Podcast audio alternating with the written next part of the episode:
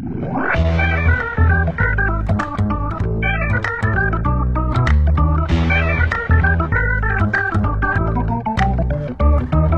Sevgili Ümit Sabi Kubuş. Sevgili Mustafa Can. Efendim hoş geldiniz. Nasılsınız? Ee, Şahaneyiz valla sizleri sormalı. Bugün arkanızdaki torbanızda bize peygamber devesi getirmişsiniz. Evet bugün bir peygamber devesiyle geldik.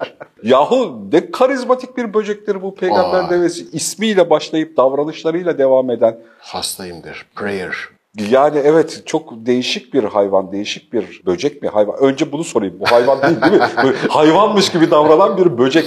Aslında bir böcek tabii ki. Daha öncelerde de söylediğimiz gibi böceği tanımlamanın en basit yolu ayaklarını saymaktır. 6 tane ayağı var ve bir böcek. Ama yani bayağı bildiği kertenkeleyi yakalayıp yiyebilen falan öyle Tabii bir tabii. böcek. Önce bugünkü konumuzu niye peygamber devesinden seçtik? İstanbul'da peygamber devesi var mı? Aa falan diyenler çıkabilir. Var. Geçen gün evimin önünde daha kapıdan çıktım yaklaşık 13-14 santimlik bir peygamber devesi evimin önündeki çiçekçiye kamp kurmuş. Çiçekçideki abiler ablalar da onu görünce kaçmışlar. Uzaktan seyrediyorlar. Oradan dikkatimi çekti. Baktım bu neymiş diye bir peygamber devesiyle karşılaştım. Bak bir önceki bölümde gelinciklerden bahsediyorduk. Orada da 13-15 santim falan diye söylüyorduk. Tabii, o, tabii. o büyüklükteki bir peygamber devesinden, böcekten bahsediyoruz. Aynen öyle. Yani küçük çocuklardan büyüklere kadar herkes tarafından bilinen çok karizmatik bir böcek. Çoğu zaman böcek olarak bile algılanmıyor. Korkuluyor, ne bileyim işte çekiniliyor görünce ama mesela bir hamam böceği gibi böceğe verilen tepki verilmiyor dikkat ettiysen peygamber devesine. Herkes saygı duyuyor. Abi mahalle kabadayısı gibi hayvan nasıl öyle bir böceğe verdi tepki gibi verirsin? Ya birçok mitolojide var. Çin mitolojisinde o meşhur onların kung fuları vardır ya. Mesela kung fu tekniklerinden bir Şu çizgi filmlerde Kung Fu Panda'da falan çok işlendi. Mantis, Mantide familyasına ait Mantis dediğimiz bir böcek grubu. Çok da yaygın ve çok fazla türü var. Yani say say bitmez. 18 bin tane türü var. Dünyanın geneline yaygın yani. Yaygın. Hani Avrupa kıtasının kuzeyinde az. Yani Kanada'ya falan çıktığın zaman az. Mesela Kanada'da bir tane tür yaşıyor. Geri kalanında oldukça yaygın. Peki mesela bu 18 bin tür içerisinde çok spesifik özellikleri, büyüklükleri, rengi, davranışı, tavrı farklı olanları var mı? Yaşadığı bölgeye göre küçük değişiklikler oluyor. Renk değişikliği, kamuflaj desenlerindeki değişiklik oluyor ama yeri gelmişken söyleyeyim biraz önce aklıma o gelmemişti. Kanada'da dedim ya bir tane tür yaşıyor diye. İnsan estetiği olarak, insanın estetize anlayışı olarak dünyadaki en güzel peygamber develeri Kanada'da yaşıyor.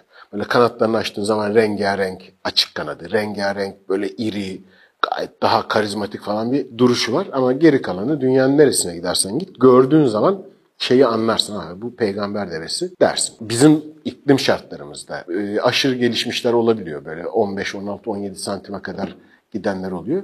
Daha önce de böcekleri anlatırken çok defa bahsettiğimiz gibi ekvatora yaklaştıkça, hava ısındıkça onların büyüklükleri, tür sayısı ve birey sayısı artıyor. Şeye kadar böyle 20-25 santime kadar olanlarına şahit değilim ama hani literatürde görmüşlüğüm var. Ya çocuk kaçırır o, o büyük.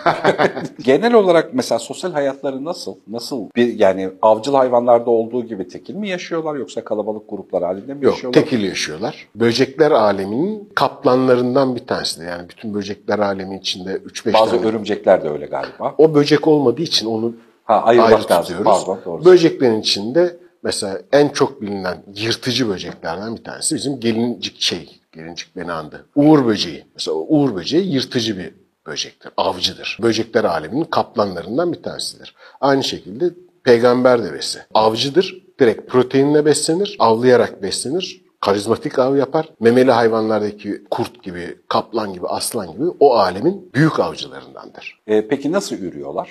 Ya onu sormasaydın iyiydi. Şöyle şu açıdan. Şimdi dedik ya peygamber develeri avcıdır. Proteinle beslenirler. Oradan bir başlayalım. Neyi, neyle besleniyorlar? Onu diğer böceklerle besleniyorlar. Ee, özellikle ön ekstremitelerinin herkes bilir zaten onun duruşunu. İşte dikenli ve bıçak gibi keskin yapıları vardır. Böceği içeri alır, kırt diye paramparça eder. Ondan sonra parçalayıcı ağız yapısı vardır. Yer. Çok kendileri gündeme getirmiyorlar negatif PR olmasın diye ama yamyamlık da var onlarda. Kendi türdeşlerini de avlayıp yiyorlar. Öyle bir sıkıntı var. İkincisi de çiftleştikleri zaman genellikle dişi peygamber develeri erkek peygamber develerini yerler. Bedeli çok ağır bir seks. Aynen erkek peygamber devesi mevsimi geldiği zaman kur davranışı yapar. Çiftleşirler. Çiftleşirken de veya çiftleşme sonrası da e, dişi peygamber devesi erkeğini yer. Hatta bazen şey olur. Bak nasıl bir adaptasyon. Çiftleşirken canı sıkıldı dişi peygamber devesinin. Kılıcı savurdu, kelleyi aldı. Yemeye başladı. Erkek istifini bozmuyor. Çiftleşmeye devam ediyor.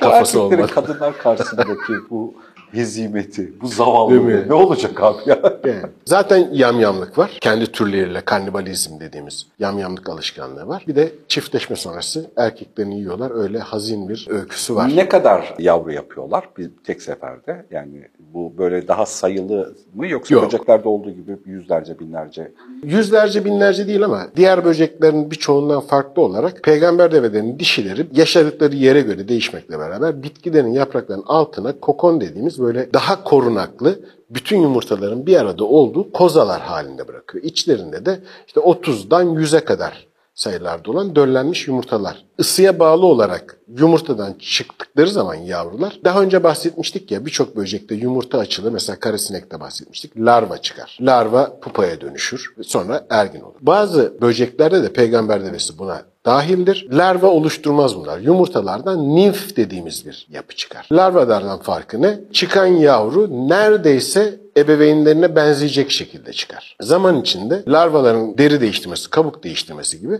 nimfler de büyüdükçe kabuk değiştirerek, dış, dış iskesini değiştirerek ergenleşirler. Peygamber develerinin nimfleri kanatları hariç, kanatları sonradan oluşuyor. Bildiğin peygamber devesine benzer ve hemen avlanmaya başlarlar. Hatta prematüre doğmuş veya güçsüz doğmuş kendi kardeşlerini de yiyerek başlarlar. Yani bayağı vahşiler dışarıya karşı. İyi dedin. Hani biz hep kaplana falan benzetiyoruz ama daha çok sırtlana benziyor. Evet, evet, evet, evet. Yani bayağı. E, ağırlıklı olarak tabii ki avcı oldukları için proteinle besleniyorlar. Yaşadıkları ortamın produktivitesine göre, mevsime göre hani böceklere ulaşamazlarsa kendilerinden çok daha büyük kuşları falan avlayabiliyorlar. İşte küçük yılanları avlıyor, kuşları avlıyor, küçük Avlamayı fareleri deniyorlar ama avlayabiliyorlar mı? avlayabiliyorlar tabii. Sen Düşünsene de Amazonlar arkadaş yani. Amazonlara yakın bir yerde olduğunu düşün. Bizde 15 santim olan peygamber devesi orada da 20-25 santim. E, kuş dediğin zaten e, ötücü kuşlardan bir tanesini yakalamaya kalksa 4 santim 5 santim. Alır koltuğuna eve götürür. Yalnız avcılar, hiçbir Yalnız avcılar. organizasyonel e, şeyleri yok, tavırları Yalnız yok. avcılar. Hiç zehirli türü var Yok. mı? Mesela bizde böceklerle ilgili kaygı verici bir şey oluşmasını sağlayan hep o zehirli olma korkusu.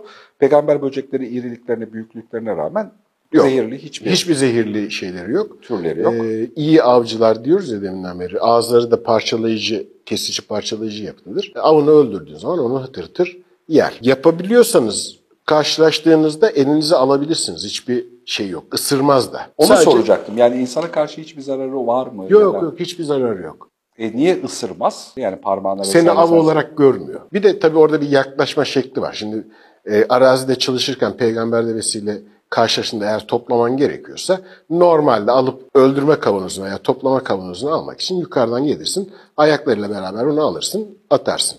Ama öyle bir niyetin yoksa karşılaştığında hayvanın arkasından değil önünden, gözünün olduğu yerden yaklaş. Elini uzat, başka bir şey yapmana gerek yok. Çıkar elin üzerine, orada durur seninle. Kurtulmak istediğin zaman, göndermek istediğin zaman aynı şekilde yere bırak. Gözü gitmesi gereken yere bakacak şekilde ayarla.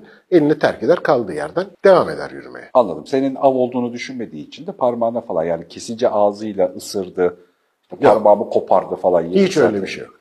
Çok da havalıdır yani masada hava atmak için elinde peygamber veya omuzuna koyup peygamber dedesiyle gelebilirsin. Hiçbir Adı nereden geliyor Sami bu arada? Neden peygamber devesi? Valla bizdekini çok iyi bilmiyorum ama biz herhalde onu biraz ithal etmişiz. Avrupa'daki türlerinde ona prayer mantis diyorlar. Yani dua eden mantis. Hani elleri şöyle şuna benzer bir şekilde duruyor ya.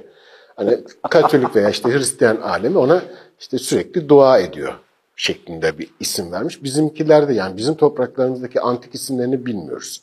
Yani onu da isimlendiren isimlendirme babalarından bir tanesi Linnaeus işte 1700'lü yılların sonunda 1800'lü yıllarda sanırım gelmiş isimlendirmiş. Ondan önceki kayıtlarda hani benim ulaşabildiğim gözüme çarpan bir şey yok. Ona ne isim veriliyor bilmiyorum. Benim şahsi fikrim yanılıyor da olabilirim. Biz oradan hani meşhur oldukça oradan almışız. Peygamber devesi ismini. Dua ettiğinden geliyor. Kentte şehir içerisinde yaşıyor mu? e, Şey, Tabii Yoksa- çok yoğun bir şekilde yaşıyor. Yani kentte derken binalarda orada burada görmeyiz Yok. ama or küçük Ağaçlık olan her yerde yaşıyorlar. Dedik ya baştan beri çok avcı bir hayvandır ve kamuflaj yeteneği çok üstün bir hayvandır. Hiç yakından gördüğünü bilmiyorum. Çok Gördüm. Birkaç defa gayet yakından da yavaş hareket eder. Yarın salınmasıyla aynı ritimde sallanır. Öyle ani hareketleri yoktur. Avcı olmasından kaynaklanır. Rengi itibariyle de ağaçların, yeşil ağaçların olduğu yerlerde gerçekten çok fazla var. Hani oturup birkaç saat uygun olan bir bahçede birkaç saat zaman geçirsen mutlaka bir iki tane görüyorsun. Orada kamuflaj yeteneğini kullanarak ağacın üzerindeki parazitel böceklerle de avlanıyor.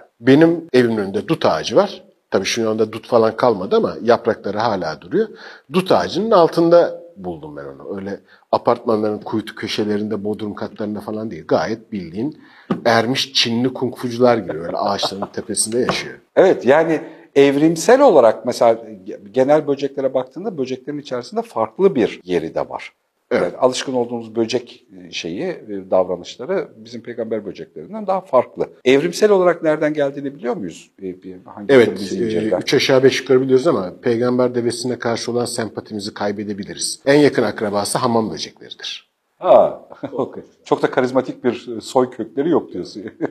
Taksonomi dallanmasında ortak özellikleri e, alt alta yazdığın zaman en yakın grup diyelim, tür diyelim de hamam böcekleriyle çok yakın akraba. peygamber develeri spesifik karizmatik hayvanlar. Bizle tanıştırdığın için teşekkür ederim. Aa, rica ederim. Daha karizmatik bir özelliği daha var. Fotoğrafını çekmiştim ben. Muhtemelen e, rejideki arkadaşlar o fotoğrafları kullanırlar. Üç aşağı beş yukarı herkes onların gözlerini bilir. Kara sineklerinden daha büyük faset gözler şeklindedir. Alana çok hakimdir. Fakat enteresan bir şey daha var. Mesela bizim gözlerimizde ışığı algılamanın haricinde trikloromatiktir. Yani üç rengi biz algılarız. O üç rengin karışımını renkler olarak görürüz. Peygamber devesinde incelendiği zaman yani fizyolojik olarak incelediğinde gözünde 8 tane şey var. Renk pigmenti var. Yani bizim göremediğimiz 5 ayrı daha dalga boyunu görüyor. Muhtemelen işte ultraviyoleyi görüyor, infraredi görüyor ve şu anda bizim hayal edemediğimiz başka renkleri de görüyor. Zaten karizmatik, zaten avcı, zaten vahşi bir de böyle ekstradan donanımlı acayip teknolojik bir arkadaş kendisi.